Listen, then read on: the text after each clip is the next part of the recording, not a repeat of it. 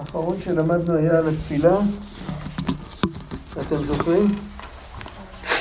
בלילה למדנו אה, על כן. אוכל. התחלנו ללמוד על תפילה. יש אה, בעמוד רט"ז, אנחנו הפסקנו בר"י"ז, אבל נתחיל עוד פעם מרט"ז, כי שם זה התחלת עניין.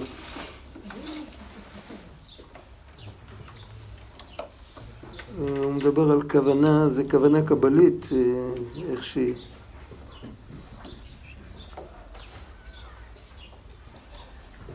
לעלות בסולם המדרגות. הוא כותב כך, הנה, אם זוכה ומאיר לו הדבקות וההרגשה בהשם יתברך בכל ליבו, בוודאי אין למעלה מזה. הספונטניות זה הדבר הכי טוב שיכול להיות. בן אדם מתחבר למילים וזה מדבר אליו, אז הוא לא צריך הדרכה נוספת. מי שינסה להדריך אותו רק יבלבל אותו.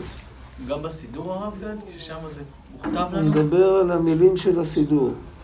ספונטניות שמה? מה? ספונטניות שמה? בדברים ה... בסידור? איך אפשר למצוא ספונטניות שמה? אני לא הבנתי מה אמרתי. דיברת על ספונטניות. ספונטניות של חיבור למילים שכתובות. לא שהוא מדבר ספונטנית, זה ודאי הכי טוב, אבל זה לא מדובר עכשיו. אבל כדי לזכות לעלות בכל תפילה כראוי, יש בן אדם שהוא צריך, יש כאלה שצריכים הדרכה, אין מה לעשות. שהם לא, לא מתחברים ככה. אפשר להקדיש את השיעור לרפואת מיכל בת לובה? השם יעזור, כן, למה לא? ולעילוי נשמת... אה, כדי לזכות לעלות בכל תפילה בהשגת והרגשת השם יתברך, כדאי מאוד להתרגל לכוון על פי סדר הסולם המכוון כנגד ארבעה עולמות. מה זה סולם שמכוון? הוא לא הולך עכשיו לספר לנו סיפור על ארבעה עולמות. הוא מספר לנו על סולם שמכוון כנגד הארבעה עולמות. מה, הס... מה הסולם בנפש שמקביל לארבע עולמות? הם הדלת המדרגות היסודיות בעבודת השם יתברך, קבלת עול, אהבה, יראה ודבקות. השלישית זה השתוקקות והתלהבות, והרביעית זה ביטול. זאת אומרת, זה סדר העולמות מלמטה, עשייה, קבלת עול זה כנגד עשייה, אה, אהבה ויראה והתלהבות, לא התלהבות, אהבה ויראה ודבקות, ככה הוא קורא לזה. זה כנגד עולם היצירה, השתוקקות והתלהבות זה כנגד עולם הבריאה, וביטול כנגד עולם האצילות. אנחנו נראה בהמשך מה, מה המשמעות של כל אחד. ובכל תפילה צריך האדם לטפס באל המדרגות לפי כוחו. ולעלות ממדרגה למדרגה ולחזק ולהוסיף בכל מדרגה. עכשיו, כמובן שזה לא... אנחנו לא מדברים על, על, אה, על לדמיין. אפשר לדמיין כל דבר. בן אדם יכול לשבת ביום קיץ חם ולדמיין, לקרוא ספר על האסקימוסים ולדמיין שהוא מוקף שלג והוא יחסוך אה, חשמל במזגן, זה יוריד לו... את- אה, הוא ירגיש כאילו שבאמת יותר קר לו. הדמיון הוא, הוא כלי, אבל לא על זה מדובר. בן אדם יכול לדמיין שהוא מתלהב, הוא יכול לדמיין שהוא משתוקק, הוא יכול לדמיין... אה, אה, לא מדובר על זה עכשיו. מה שהוא מדבר, הוא מדבר על, על עבודה אמיתית. זאת אומרת, אפשר ליצור קבלת עול, אפשר ליצור אהבה ויראה ודבקות, ואפשר ליצור באופן אמיתי השתוקקות והתלהבות, ואפשר גם ליצור ביטול. ואת זה אנחנו צריכים להתחיל ללמוד, איך עושים את זה. וכשבן אדם נמצא באחד מכל, זאת אומרת, אם בן אדם נמצא כבר ברגש של עמידה מול אבינו מלכנו, מה שנקרא, ובפרט בקטע של קבלת העול זה בפרט מול, ה... מול, מול המחשבה של מלכנו, לא של אבינו. אבינו זה יותר אהבה, מלכנו זה יותר יראה. אם הוא עומד, אם יש לו כבר את הרגש, אז הוא יכול להתחבר למילים ברמה שהוא לא צריך כל הזמן לעורר את עצמו. אם הוא הגיע לרגש של מלכנו, אם הוא הגיע לרגש של אבינו, אז ודאי שיכול להתחבר למילים בצורה אחרת. אם הוא מגיע לרגש של געגוע או משהו כזה, אז יש, אם יש לו, זה כמו, ניקח מחרוזת של אה, הרבה חרוזים, שהיופי של המחרוזת זה שכולם חרוזים על אותו חוט. ואז השילוב של הצבעים וכל זה, זה מה שעושה את היופי. אבל אם החרוזים מפוזרים, כל חרוז מצד עצמו הוא מאוד יפה, אבל אין לזה את היופי של המחרוזת. החוט ש... שעליו אפשר לח... לחרוז את כל, ה... את כל החרוזים זה הרגש. הרגש מחבר את כל המילים בתפילה, הם מילים, מילים, מילים, מילים. יש לך פה פסוק, שם פסוק, פה איזה ברכה, פה איזה קטע. אם יש רגש שמחבר את הכל, זה הופך להיות מבנה, שהמבנה הזה הוא שלם מכל הצדדים, הוא כאילו, יש לו איזו אמירה. ואז הבן אדם יוצא מתפילה כזאת, כמו שחוזרים מטיול בטבע, או כמו שחוזרים מביקור אצל אדם גדול, או, או מביקור במוזיאום, שראית שם דברים מדהימים. אתה רואה מכלול, פתאום אתה רואה איך, איך חיו לפני 200 שנה באיזה ארץ רחוקה, כן? דוגמה. אתה יוצא, אם אתה תראה את אותן תמונות, תראה היום תמונה, מחר תמונה, פה תראה איזו ידיעה קצרה בעיתון, וזה לא יצטרף, לא יעשה שום דבר. אבל ברגע שאתה רואה את הכל ביחד, אחד אחרי השני, אז זה נותן לך, כאילו היית שם. ואתה חוזר משם, אתה חוזר, אתה חוזר אחרת, אתה יכול, אתה יכול לחיות את זה. בתפילה, הבעיה שלנו זה שאפילו שאנחנו מכריחים את עצמנו לשים לב מה אנחנו אומרים, אבל היות שאנחנו לא מחוברים רגשית למה שאנחנו אומרים, אז לא נשאר אחר כך כלום. יש כמה, כמה שיטות איך לעורר את הרגש. נראה איכשהו, יש עוד שיטות, זה לא אבסולוטי, רק מה שכתוב כאן, אבל אנחנו נראה קודם כל מה שכתוב כאן. יש עכשיו, בסוגריים, לפני שנתחיל לקרוא, יש משהו נורא פשוט שגורם לבן אדם לחבר את כל הדברים הנפרדים האלה שהוא מוצא בסידור של התפילה, זה שהוא שואל את עצמו את אותה שאלה לאורך כל, ה... לאורך כל הפסוקים. יש פסוקים שהמשמעות של כל פסוק היא שונה לחלוטין, אבל אם בן אדם, צריך בשביל זה ראש רגוע, כשממהרים אין זמן. אם בן אדם שואל את עצמו, שאלה קצרה, שהיא לא לוקחת הרבה זמן. אה, כאילו, האם בחיים שלי אני, מת, אני מתחשב בתוכן של הפסוק שאני אומר עכשיו? האם זה מתבטא בחיים היומיומיים שלי? עכשיו אני מבין מה שאני אומר. אני יכול להזדהות עם זה. אבל האם, האם הזרימה של החיים שלי היא מתאימה? האם זה משנה לי משהו בחיים, מה שכתוב כאן בפסוק? זו שאלה שיכולה לחזור על. היא אותה שאלה, היא שהיא חוזרת על עצמה בכל מיני פסוקים שונים ומשונים. זה כמו חוט שעובר ומחבר את כל החרוזים יחד. עכשיו, מה המעלה בשאלה כזאת? המעלה בשאלה כזאת זה שאחר כך, כשמגיע החיי היום-יום, אז זה מזכיר אותי את מה שחשבתי בתפילה. בגלל שאני חיברתי לתפילה את חיי היום-יום, אז חיי היום-יום יחברו אותי לתפילה. זה ברור? סוג של התניה בעצם. כן, כן, כן, כן. זיכרון, כן. לא זה יוצר קשר, יוצר קשר. ולא, כי הרבה פעמים אנחנו חיים כאילו בשני עולמות. התפילה זה עולם אחד, והחיים היומיומיים שלנו ממש זורמים כמו בן אדם שלא מתפלל אף פעם. אין קשר. ברגע שמתפללים, הם נזכרים בכל אותם דברים ומתפללים עליהם וכל זה, אבל ברגע שנכנסים עוד פעם לתוך, אה, לתוך החיים, כאילו לא התפללתי. כן, שאלה. הרי ידוע שקראתי בגמרא שבארץ ישראל היו קוראים את כל, הפרש... את כל פרשות השבוע שלוש שנים. נכון, במערבה. נכון, נכון. עכשיו, יש הרגשה. שהמינימום של הסידור שנתנו לנו, מי שמקבל עליו את העול הזה, המינימום הוא גם ארוך. המינימום זה הרבה מלל. השאלה נכון, היא, איך אפשר נכון. לעשות עבודה רוחנית במצב הזה, אה, גם זה על אה, הבוקר. אה, נכון, נכון. לא, באמת, סליחה, זה- זה- אני זה- מדבר בכנות. זה, טכניקה מאוד פשוטה. כאילו אתה, אתה, תופ- אתה את, את העבודה שאתה עושה בתפילה, אתה לא עושה עם כל התפילה. כל התפילה אתה מתפלל איך שאתה רגיל להתפלל, אבל אתה, אתה מתמקד בקטע. ואחרי נגיד שבוע או חודש אתה מתמקד בעוד קטע. ואי אפשר לעשות את הכל ב... ב, ב אבל על כל פנים,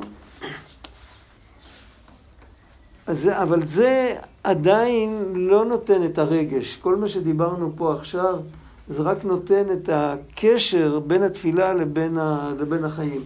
לפעמים בעקבות זה מתעורר איזה רגש, אבל לא תמיד. כאן הוא רוצה להוליך אותנו בדרך של להקנות לנו את הרגשות שבעצם אמורות להופיע בזמן תפילה. איך עושים את זה? עכשיו, מה שהוא כותב למטה, מתחת לעמוד,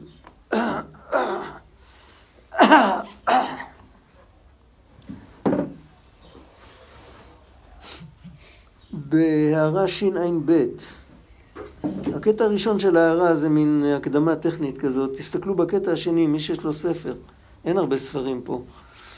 אה, באמירת הקורבנות אנחנו נמצאים בעולם העשייה, שעניינו קבלת עול מלכות שמיים, שזה כעניין הקורבן. המושג של קורבן זה שבן אדם לוקח את, ה, את הצד הנמוך של עצמו ומעלה אותו, הוא מוסר אותו, הוא מקריב את, ה, את הבהמה שבלב שלו.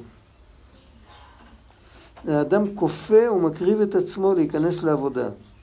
בדרך כלל אבל מקריבים את מה שיקר לך. בדרך כלל, אתה מקריב את הדבר היקר, אתה לא מקריב דבר לא יקר. נכון, נכון, אבל אנחנו במצב כזה שמה שיקר לליבנו לא אובייקטיבית, סובייקטיבית, מה, שמקר, מה שיקר לליבנו זה ה... להישאר במקום טוב כזה בלי להתאמץ יותר מדי. זה החלק הנמוך שלנו. ואת זה אנחנו מקריבים, זה כתוב בראשית, אה, וירא מנוחה כי טוב, ועת שכמו לסבול.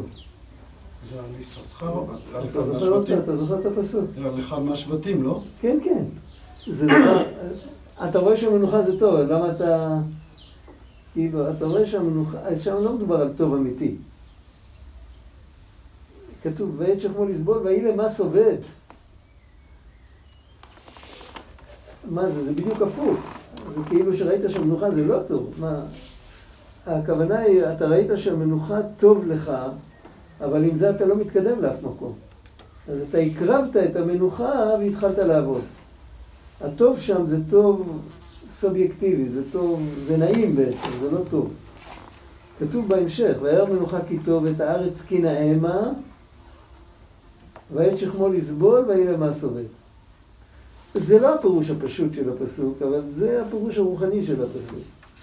שמה שטוב לך, הבן אדם צריך לה, לה, לה, לתת את הכי טוב, לא את הכי טוב האובייקטיבי, את הכי, הכי מה שקרוב אליו, ללב שלו. אם הוא מדרגה נמוכה, אז מה שהכי קרוב ללב שלו זה ההרגלים שלו, זה. הבמבה מול הטלוויזיה. כן, כשהוא הוא, הוא מוכן לקום משם ולהיפרד מזה לשלום, ולעשות במקום זה עם הזמן שלו משהו יותר בונה, אז הוא נתן את הדבר הכי טוב. הוא היה במדרגה כזאת, אין מה לעשות. זה היה המקום שלו. זה היה הדבר הכי טוב שלו. הוא הקריב קורבן. בטח שאצל בן אדם אה, יותר מעולה זה צחוק. ו... ואז הוא מחליט לעשות את רצון השם יתברך, גם בלי חשק וגם בלי להבין. זה המושג של עשייה. זה העבודה הראשונה, כאילו, ה- לנגב רגליים בכניסה, מה שנקרא. קודם כל, תעשה מה שאומרים לך, אתה תרגיש ותבין בהמשך. להיות עבד נאמן העושה את רצון מלכו בלי חשבונות. אז טוב, איך זה מתחבר למילים שאומרים שם בקטע הזה של התפילה, הוא לא מסביר. אבל הוא אומר שזה הזמן לחשוב על העניין הזה. בעצם בן אדם יכול לקחת לעצמו זמן לחשוב גם לפני, הוא לא חייב לחשוב רק תוך כדי. והוא יכול לחשוב בכל מיני זמנים ביום.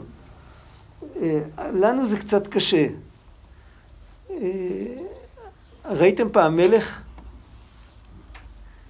שירות מלך היום צריך לנסוע רחוק. צריך לנסוע לירדן או למרוקו. אין מלכים היום. לא מזמן היה פה בעין כרם איזה אחד שהוא כן. היה מלך, אה, מאיפה הוא? מאפריקה? אפריקה, אפריקה. אפריקה. מלך אמיתי, בא, ישב אלינו שבתות, אוקיי, כל הממלכה שלו חזרה בתשובה. אוקיי, אבל אה, בזמנו כשהיה מלך בעולם, אז היה יותר קל להבין מה, את המשנה שאומרת שבתפילה יראה האדם את עצמו כעומד לפני המלך, ולא רק בתפילה, אלא כל הזמן, אה, כל היום. זה, זה רגש שאנחנו לא מכירים אותו. מה שאנחנו כן יכולים אה, אה, באיזשהו אופן להחליף את זה, ושזה כן שייך לחיים שלנו, זה הנושא של המלכות, איך שהיא מוגדרת על פי קבלה. ספירת המלכות בקבלה זה תמיד ההוצאה מהכוח אל הפועל, זה, זה כישרון הביטוי. כישרון הביטוי זה נקרא אצלנו שפה, דיבור. באשר דבר מלך שלטון, כך אמר שלמה המלך, המלך מנהיג את המלוכה על ידי דיבור, והקדוש ברוך הוא נקרא מלך בגלל הדיבור שלו. מה זה הדיבור של הקדוש ברוך הוא? איפה אנחנו פוגשים את הדיבור שלו? אנחנו לא נביאים. איפה אנחנו פוגשים את הדיבור שלו? אנחנו פוגשים את המאמרות, את עשרה מאמרות שבהם נברא העולם. אותם אנחנו פוגשים כל הזמן. וחשבתי פעם, זה, זה יכול לתת הרבה, בן אדם סוגר את העיניים, הוא מדמיין שהוא יושב מול שולחן, ועל השולחן גיליון נייר לבן, נקי, אין שום דבר, הוא רואה כלום. ועל זה שמים לו גרגיר אדמה אחד, גרגיר חול. הוא מתחיל להסתכל על גרגיר החול הזה, והוא מעז לשאול לא למה שמו אותו פה, או למה הביאו אותו, או שאלה מאיפה הביאו אותו, אלא לשאול למה הוא קיים בכלל. זו שאלה שהיא מחוץ לתחום ההגות האנושית. איך היה אומר המורה לטבע, אם היו שואלים אותו שאלות כאלה, הוא היה אומר, אותי תשאל איך, אל תשאל למה. זה מטאפיזיקה, זה, זה מעבר לכלים שלנו. אנחנו לא יכולים להבין למה, אנחנו רק יכולים להבין איך. אז אם אתה מסתכל על הגרגיר חול ואתה שואל מי הביא אותו, מי שם אותו, מי צחק עליי, אה, אתה יכול לקבל תשובות. אבל אם אתה שואל למה הוא בכלל קיים, אין לך תשובה.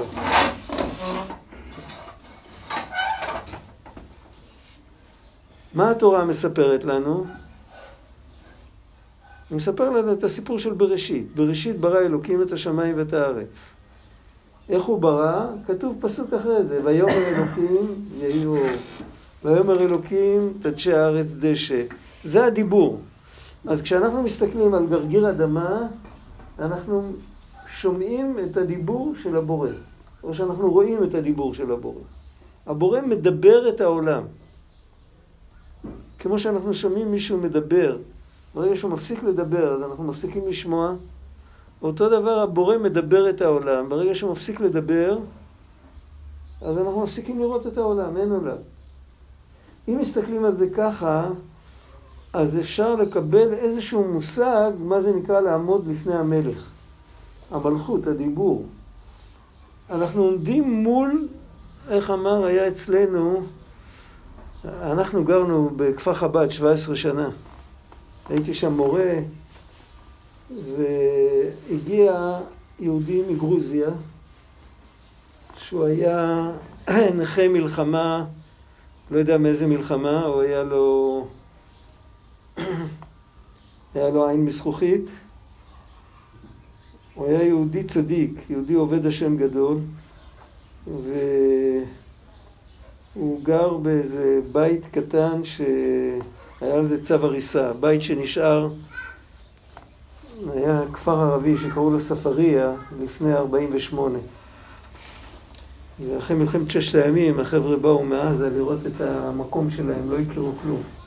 נשאר שם מסגד וכמה בתים, כפר קטן כזה, קטן, קטן, קטן.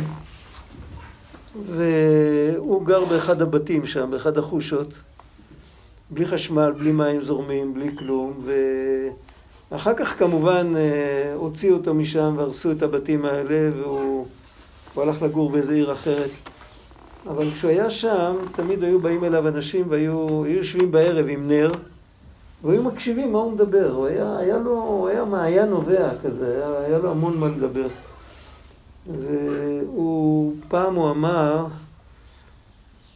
אה, בוא נחשוב שאנחנו יושבים או עומדים מול מישהו, בן אדם, בשר ודם כמונו, שברגע שהוא חושב עלינו אנחנו קיימים, וברגע שהוא מפסיק להתרכז בנו אנחנו פשוט מתפוגגים. איך היינו עומדים מולו, מול, מול בן אדם כזה? איזה רגש היה לנו? הוא אומר, זה המציאות, זה לא, זה לא היפותזה. המציאות היא שכל העולם וכל העולמות כולם זה איזשהו ביטוי של מחשבות של הבורא. השם חושב את העולם, הוא מדבר את העולם, הוא נושם את העולם. אני לא יודע איך שתקרא לזה, זה לא משנה, כל אחד בשפה שלו. אבל זה קורה עכשיו. ולעמוד מול המחשבה הזאת, זה בעצם הפנימיות של הביטוי כעומד לפני המלך. כי זה המלכות. המלכות זה, בקבלה זה נקרא פסיעה לבר. זה שהאלוקים יוצא מתוך עצמו ומאיר החוצה. הוא מקרין החוצה כל מיני ניואנסים. הוא בעצמו אינסופי. והוא מקרין מתוכו כל מיני ניואנסים, שכל ניואנס זה עולם אחר, ספירה אחרת, בעל חי אחר, פרח אחר, לא משנה מה, אבל... וכשאנחנו עומדים מול כל המכלול הזה, לזכור שבעצם אנחנו עומדים מולו. ולא מול הפרטים. כי מי שהוא מקרין אותם הרגע. סיפרתי לכם איזו בדיחה כזאת על שני חבר'ה שמתווכחים, עומדים, פלספים, מתווכחים בין כמה העולם. ואז יוצא מהחורשה, יוצא איזה ברסלבר שבא עם עיניים אדומות אחרי ההתבודדות ואומרים לו, הנה הוא יודע, הוא, בוא, בוא נשאל אותו. בוא, בוא, בוא, בוא, מה, מתי נברא העולם? אז הוא מסתכל עליהם, הוא אומר, עכשיו, הרגע, הרגע נברא העולם. מה זה, זה?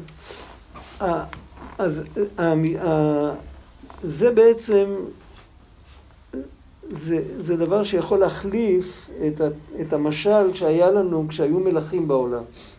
כשעמדתי מול מלך, אז אחרי ככלות הכל עמדתי מול מישהו שיכל להביא לביטול המציאות שלי. היה לו את הכוח.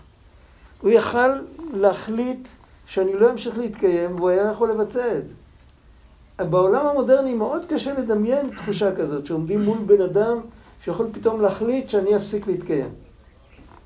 אין, אין מציאות כזאת בעולם שלנו. אבל יש מציאות כזאת ברובד היותר עמוק. שהכל הכל הכל מפסיק להתקיים ברגע, אלא מה? כשהוא מפסיק להתקיים הוא עדיין ממשיך, אבל הוא ממשיך להתקיים ברובד אחר שהוא כל כך נעלה, שאת ה, המציאות של עכשיו אנחנו לא רואים בכלל. זה כאילו, ועם מה שאנחנו מזדהים, כל מה שאנחנו מזדהים איתו, זה כבר לא קיים יותר. עכשיו, זה עומק של להקריב קורבן בשפה הזאת, אם חושבים ככה, אז להקריב קורבן זה להקריב קורבן בהסתכלות שלנו. זאת אומרת, אני רואה משהו שאני רואה אה, דומם, צומח, חי, מדבר, עם כל היופי שיש בכל דבר, וכשאני מקריב אותו, מה, איך אני יכול להקריב אותו? אני יכול להעלות אותו למקום יותר עמוק. זאת אומרת, לה, להבין, להסתכל בעין כזאת, להבין שהוא, ב, מה שאני רואה עכשיו, אני לא רואה את הכל, אני רואה רק את ה... זה כמו קצה של קרחון, אני רואה רק את הביטוי הכי נמוך של הדבר. כמו ילד קטן שקורא סיפור משל וחושב, ילד קורא את בגדי המלך החדשים, וחושב שבאמת היה סיפור כזה. הוא לא מבין שיש כאן איזו מחאה חברתית או משהו, כן? הוא לא מבין. ואותו דבר, כשאנחנו מסתכלים על המציאות של העולם, אנחנו מסתכלים כולנו כמו ילד קטן. אנחנו רואים מה זה, איך ילד שואל, מה זה ים? הוא אומר ים, עכשיו הוא הבין כבר. אנחנו נשארים עם התפיסה הילדותית הזאת עד סוף החיים שלנו. מה זה? זה דבר השם. זה המלכות האלוקית. זה ביטוי של המלכות האלוקית. ברגע הזה אנחנו קירבנו, את, הקרבנו קורבן את כל העולם כולו. את כל מה שאנחנו רואים, את כל מה שאנחנו שומעים, את כל חמשת החושים. זה הדרגה של עולם העשייה, של לדעת שאנחנו שייכים אל משהו. אנחנו לא כאילו, לא, לא כאן נהיינו. לא התחלנו פה.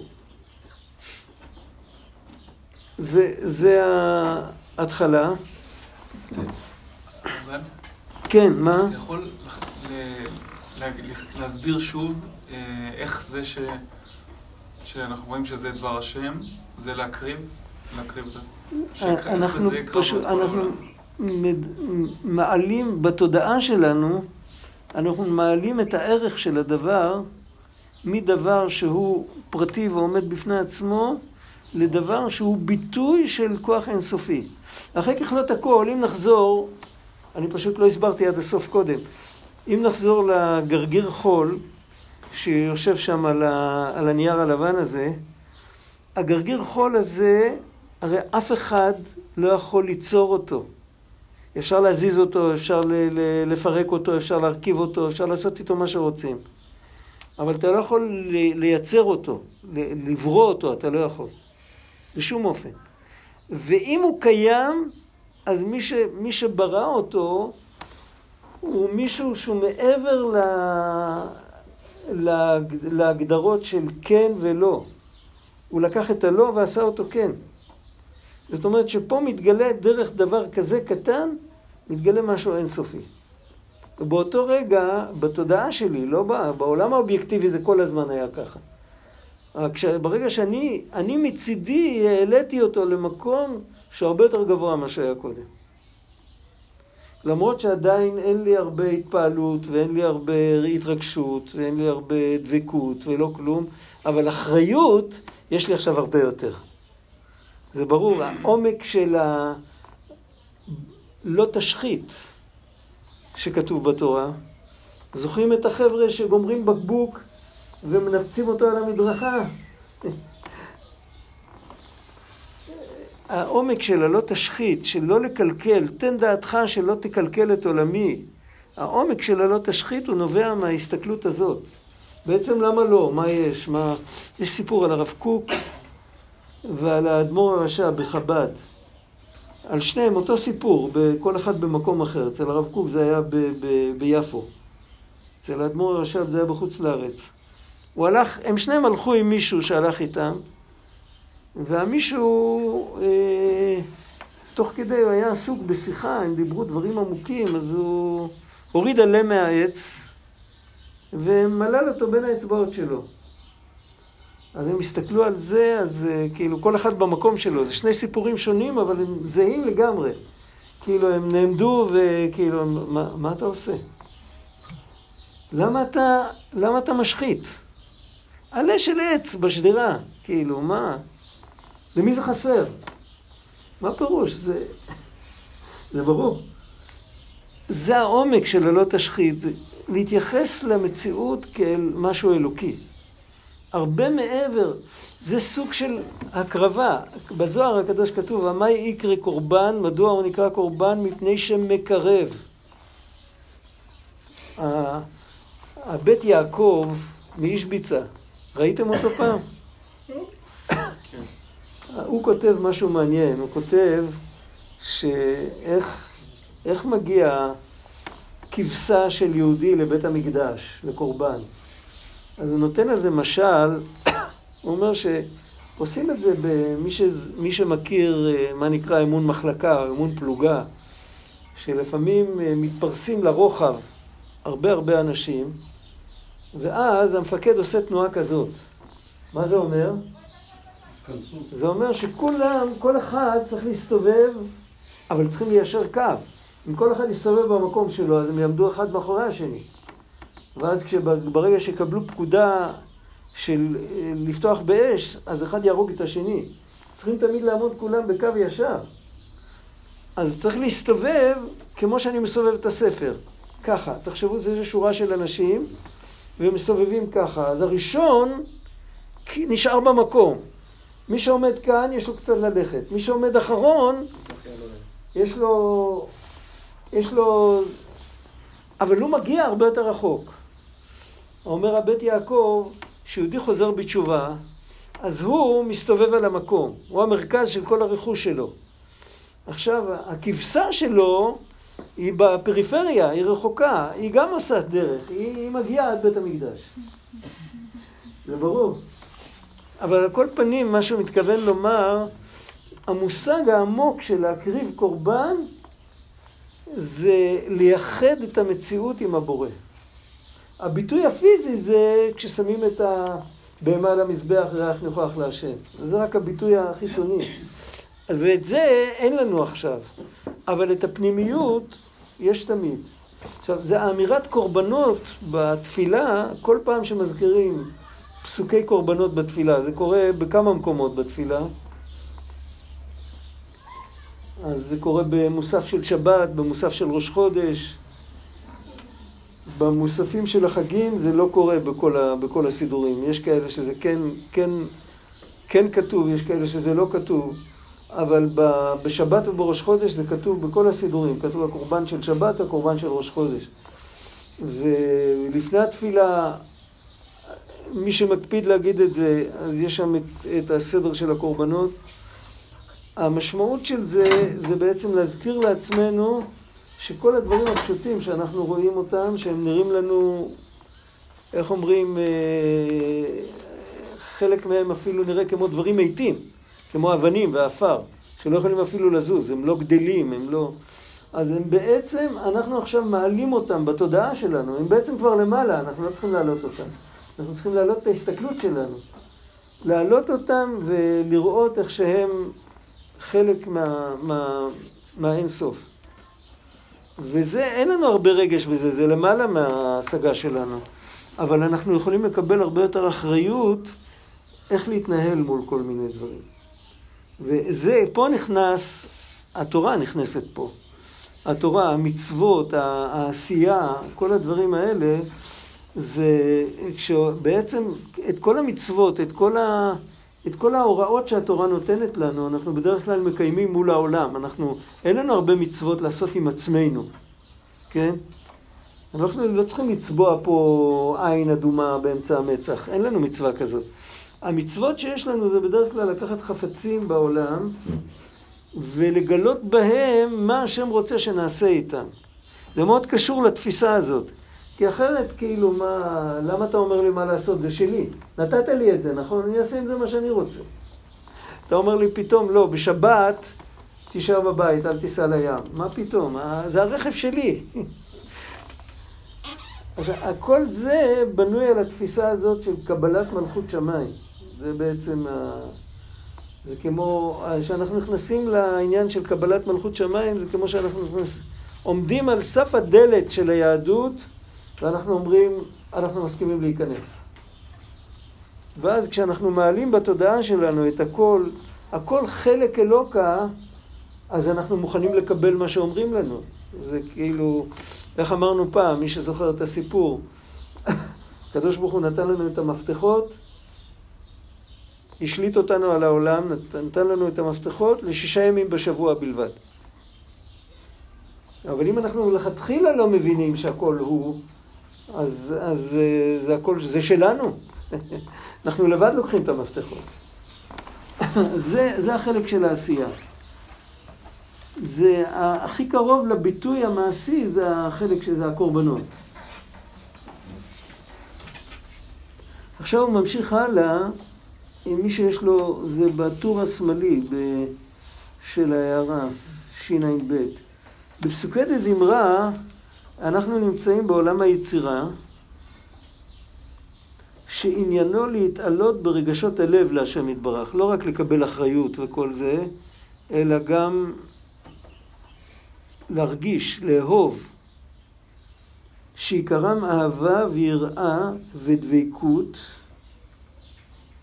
וניצחון והודאה והתקשרות.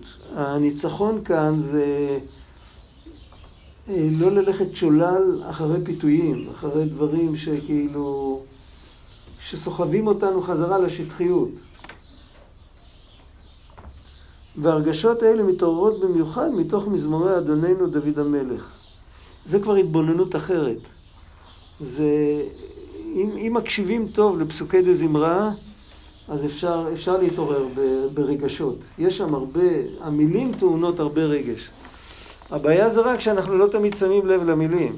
אבל אם שמים לב למילים, אז אה, אפשר, אפשר לזרום עם זה טוב. ובאמירת קריאת שמע וברכותיה אנו עולים לעולם הבריאה, שעניינו ההתבוננות וההתלהבות וההשתוקקות להשם יתברך. שזה עניין אזכרת עבודת המלאכים ברשפש והתלהבות וההתבוננות ביציאת מצרים. כאן הוא כותב את זה בקיצור נמרץ, אבל uh, מי זה המלאך הזה שהוא אומר קדוש וברוך, ומה כתוב עליו בסידור שם?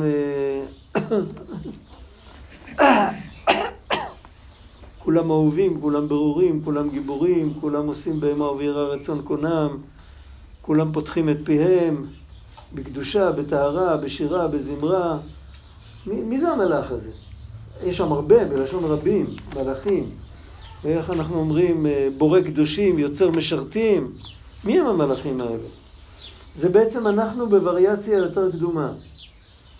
החלק הנמוך שלנו, עוד פעם, הנפש הבעמית שלנו, משתלשלת מהמלאכים. מה המשמעות של זה? כשאנחנו אומרים על uh, שהשורש של משהו הוא, הוא במקום מסוים, אז ב... כשאנחנו מדברים על עץ, אז הוא עומד בא, באוויר העולם, והשורש הוא מקום אחר, הוא למטה, בתוך האדמה. אבל אם מדברים על רגשות למשל, על משהו יותר רוחני, אז אם נגיד למשל, אה, ניקח דוגמה, פעם דיברנו על זה, פחד. פחד יכול להוליד שנאה, נכון? פחד יכול להוליד, אם אני פוחד ממישהו ואני לא מצליח להתגבר עליו, אני מתחיל לשנוא אותו. עכשיו, במשך הזמן, אני שוכח שפחדתי ממנו. יכול להיות שהפחד החזיק אצלי שלוש שניות ומיד חזר לתת הכרה. אבל אני מרגיש את השנאה, וזה הסיבה שהרבה אנשים, השם ישמור, שלא ניפול למקום הזה, ש... שהמידות לא מבוררות אצלהם, כשהם רואים מישהו יותר מוצלח, מתחילים לשנוא אותו. יש אנשים שאוהבים אנשים מוצלחים. ויש אנשים שבן אדם מוצלח יותר מהם, מאיים עליהם. למה הוא מאיים עליהם? כי הבן אדם הזה, הוא צריך לשמור על המשבצת. כמו כלב שאוהב לשמור על טריטוריה. צריך לשמור על המשבצת, הוא במשבצת מסוימת, ואף אחד שלא ייכנס למשבצת שלו. אם מישהו יותר טוב ממני, אני צריך לבלוע אותו, ואם אני לא יכול לבלוע אותו, אני מתחיל לשנוא אותו. אבל בעצם מה זה? זה פחד.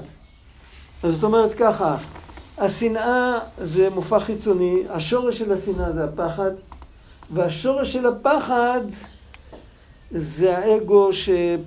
שחייב להישאר במרכז, כן? עכשיו, אם אני חושף בתוך השנאה את הפחד, אז השנאה כאילו הופכת להיות שקופה. היא כבר לא, היא כבר לא מציאות, כבר אין לה, אין לה כבר, אה, אין לה כוח.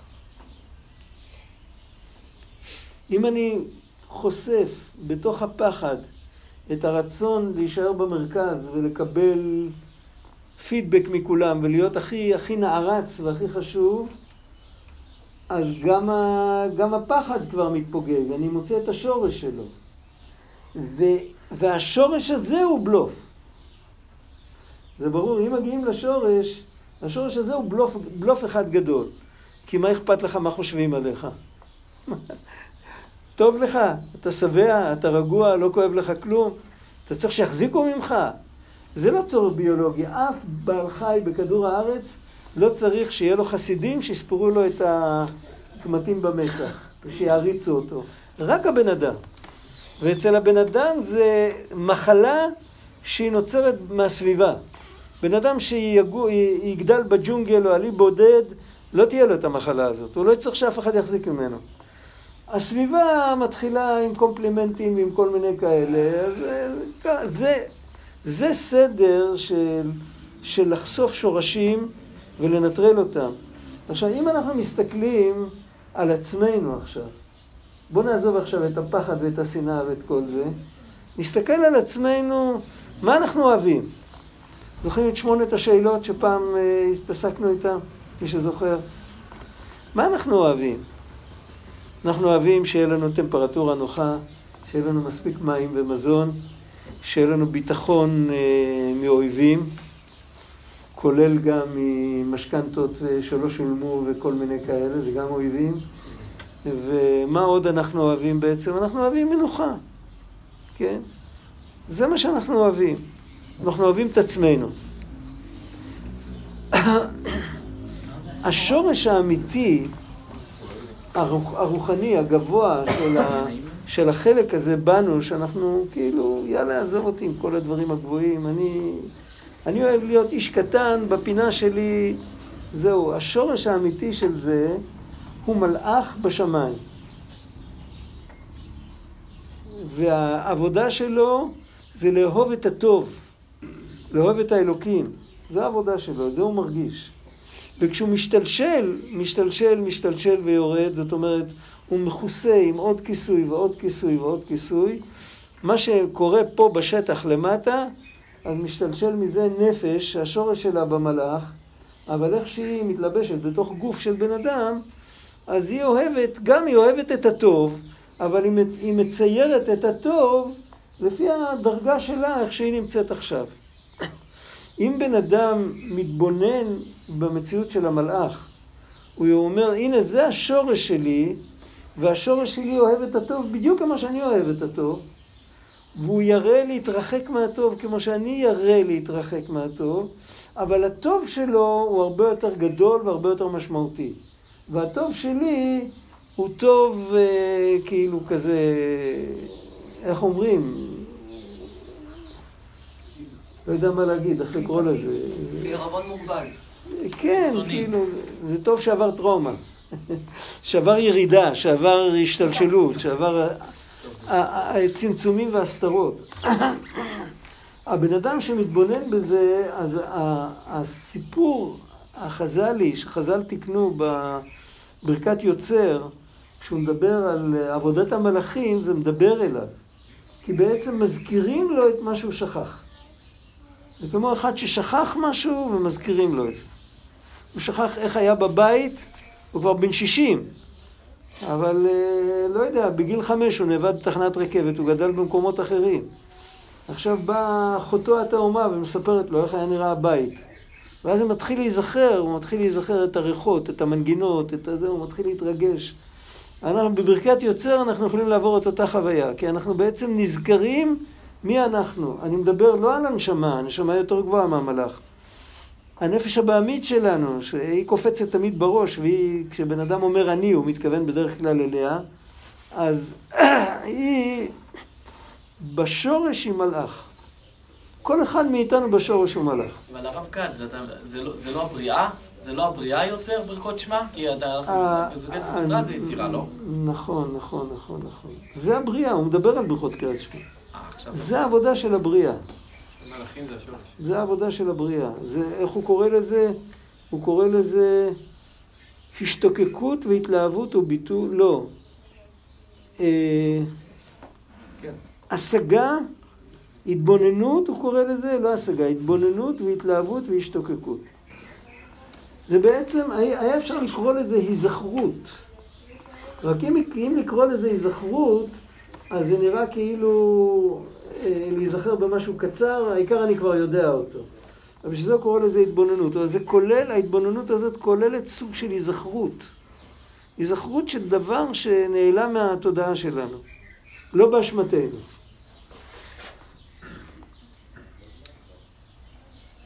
עכשיו הוא מגיע לתפילת העמידה, אה, כן, הוא אמר עוד נקודה, התבוננות ביציאת מצרים. להתבונן ביציאת מצרים זה בדיוק אותו דבר, זה לצאת, לצאת מהקטנות אל הגדלות, לצאת מהמיצר. איך אמר דוד, מן המיצר קראתי, ענה לי במרחב.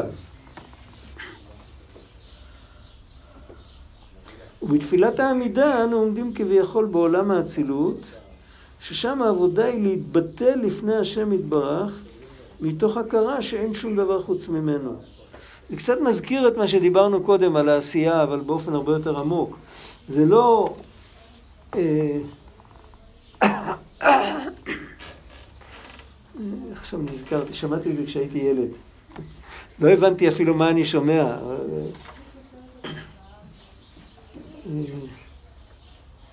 שיחת חולין של אנשים בבית כנסת, אחרי התפילה. אז מישהו אמר ככה, הוא אמר שהדבר הפשוט, היה, על מה יהודים דיברו אז, נו, תחשבו, זה היה לפני 70 שנה בערך. הדבר הפשוט זה שבלעדי הקדוש ברוך הוא אין שום דבר. כן? בלעדיו אין כלום. בלעדיך אין לנו. מבלעדיך אין לנו, כתוב שם. ו... אבל איתו ביחד הכל נמצא, כן? אם הוא, אם הוא מסתכל חיובי, אז הכל פורח, הכל נמצא. אבל העומק הוא שבלעדיו אין שום דבר, וגם איתו ביחד גם אין שום דבר. כי איתו ביחד, אז עוד פעם רק הוא נמצא. זה כבר השגה יותר עמוקה. זאת אומרת, זה, אם נחזור עוד פעם לאותו גרגיר חול שדיברנו עליו, או לאותו פרח, או לאותו עץ, או לאותו צפרדע, לא משנה מה, שאנחנו אמ, הגענו, הקרבנו אותם, העלינו אותם בדרגה, אמרנו שהם דיבור של הקדוש ברוך הוא, כן? הם לא סתם איזה משהו. עכשיו אנחנו מעלים אותם עוד דרגה, הם דיבור של הקדוש ברוך הוא, אבל הם עדיין כלולים בתוכו. כמו דיבור שבן אדם עדיין לא דיבר אותו. אנחנו רואים אותם איך שהם בחוץ, אבל מצד האמת הכל כלול בו. וזה דיבור של הבעל שם טוב, בעל שם טוב הקדוש, כך אמר, שאלוקות זה הכל, והכל זה אלוקות. זה לא שני דברים. והאמת שזה כתוב בפסוק. איפה זה כתוב בפסוק? בבראשית, אצל אברהם, כתוב ויקרא שם אברהם בשם השם, כתוב שם הוויה, אל עולם. אל עולם. לא ויקרא שם בשם השם אל העולם, או אלוהי העולם, אלא ויקרא שם בשם השם אל עולם. זה ברור? אין. כן. אין. עם, עם הכף כאילו. מה? אין. אל, לא אין, אל. אל אוקיי. עולם. אוקיי. אנחנו אומרים בתפילה, אלוקי עולם ברחמך הרבים רחם עלינו. בעצם לפי הדקדוק היינו צריכים לומר אלוקי העולם. כי אלוקי עולם זה כמו אהבת עולם. זה כמו שאומרים אלוקים נצחי. אבל לא זה מה שאנחנו רוצים לומר. אנחנו רוצים לומר אלוקי העולם. זה כרגע הנושא, נכון? אז למה אנחנו משמיטים את ההי? אנחנו משמיטים את ההי זה, זה חיבור יותר חזק בין שני המילים. זה כאילו מושג אחד. שגם אחרי שהעולם נברא והוא כבר עצמאי והוא כבר... זה כמו שאומרים, אחרי שכבר האלוקים מדבר את הכל והעולם בחוץ, עדיין אנחנו יודעים שהאמת היא שעדיין הכל, הכל זה הוא טוטאלית. זה לא דבר שבלעדיו לא יכול להתקיים, גם איתו לא מתקיים. זה נקרא, זה הביטול של עולם האצילות, זה למעלה מההשגה שלנו. אנחנו לא יכולים להזדהות עם זה, אנחנו לא יכולים להרגיש את זה. מי שמרגיש את זה, אז אה, הקדוש ברוך הוא לא נותן לנו להרגיש את זה. בשביל זה, בקריאת שמע, ששם זה גם כתוב, חוץ מתפילת עמידה, בקריאת שמע אנחנו אומרים ככה, שמע ישראל, השם אלוקינו, השם אחד. מה זה האחד? כתוב בגמרא, בתלמוד, כתוב שהחטא והדלת מכל הכיוונים של העולם. והאלף זה הבורא, אלופו של עולם. והמילה אחד כוללת בתוכה את כל הכיוונים של העולם. זה מה שדיברנו עכשיו, שהכל בתוכו, אבל אנחנו לא יכולים להרגיש את זה. ולא באשמתנו, אלא בגלל שלא רוצים לתת לנו להרגיש את זה. כי אם אנחנו נרגיש את זה, לא נרגיש בכלל שום דבר. זה ביטול הבחירה וזה ביטול הבריאה. אנחנו לא יכולים להיות במתח הזה. לא יכולים להיות במקום הזה. ולכן אנחנו אומרים, ברוך שם כבוד מלכותו לעולם ועד. אנחנו מקבלים על עצמנו עול מלכות שמיים. אנחנו אומרים לקדוש ברוך הוא, את האמת אתה כרגע לא מגלה לנו. האמת תתגלה לעתיד לבוא, באחרית הימים. מה שעכשיו אתה רוצה מאיתנו, נתת לנו עצמאות, נתת לנו בחירה. אנחנו צריכים לבחור בחיים ולשמור על עצמנו, להיות קיימים ולהיות בריאים ולהיות שמחים, אבל אנחנו מקבלים על עצמנו לשמוע בקולך עם אותה עוצמה של האמונה שחוץ ממך אין שום דבר.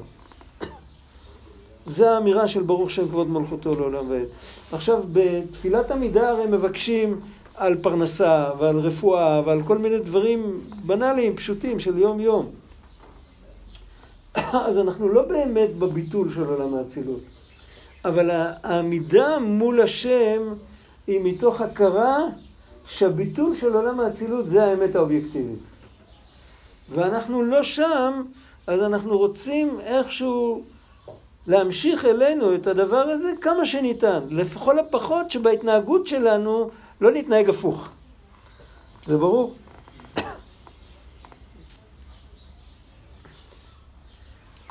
אוקיי, זה, זה פחות או יותר, יש בן אדם לחברו, היו אומרים פעם בדיחה, למה כתוב ואהבת לרעך כמוך, ועל אח כתוב לא תשנא את אחיך בלבביך. למה לא כתוב ואהבת לאחיך כמוך? אז היה בדיחה, אח אי אפשר לאהוב, תמיד עם אחים רבים. לכל הפחות אל תשנא אותו.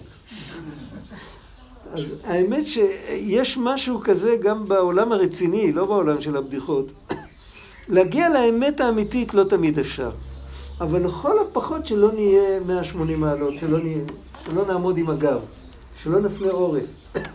כי פניתם אליי עורף ולא פנים, שלא יוכלו לבוא אלינו בטענה כזאת. אבל הרב גד, בכל זאת קשה לי להבין את זה, ששמע ישראל זה נשמע יותר גבוה מהבקשות של התפילה. נכון. אז בכל זאת, איך קשור הבקשות של התפילה לביטול? הבקשות לא, הבקשות לא קשורות לביטול. הבקשות צריכות להיאמר בעמידה. העמידה מראה על הביטול. והבקשות, בקריאת שמע אפשר לשבת. עכשיו, מה שזה אומר, שהבקשות, דווקא שם, איפה שמבקשים על הדברים הגשמיים, דווקא שם צריך להחזיק ראש על ביטול יותר גבוה. כי אחרת הדברים הגשמיים האלה ייקחו אותנו טיול לעולם גשמי לגמרי. זה ברור, כשבן אדם יורד למקום מאוד נמוך, אז הוא צריך חבל חזק שקושר אותו והוא צריך חמצן.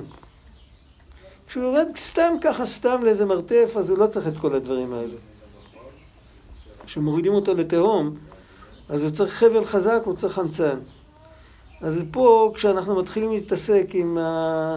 עם העוונות שלנו, ועם החוסר פרנסה, ועם חוסר הבריאות, ועם כל הבלגנים, אז אנחנו צריכים לדעת שלמרות שאנחנו מבקשים על זה, כי זה מה שהשם רוצה שנבקש, ושנחיה פה אבל להיות קשורים, אנחנו צריכים להיות קשורים בתודעה של שהכל אלוקי.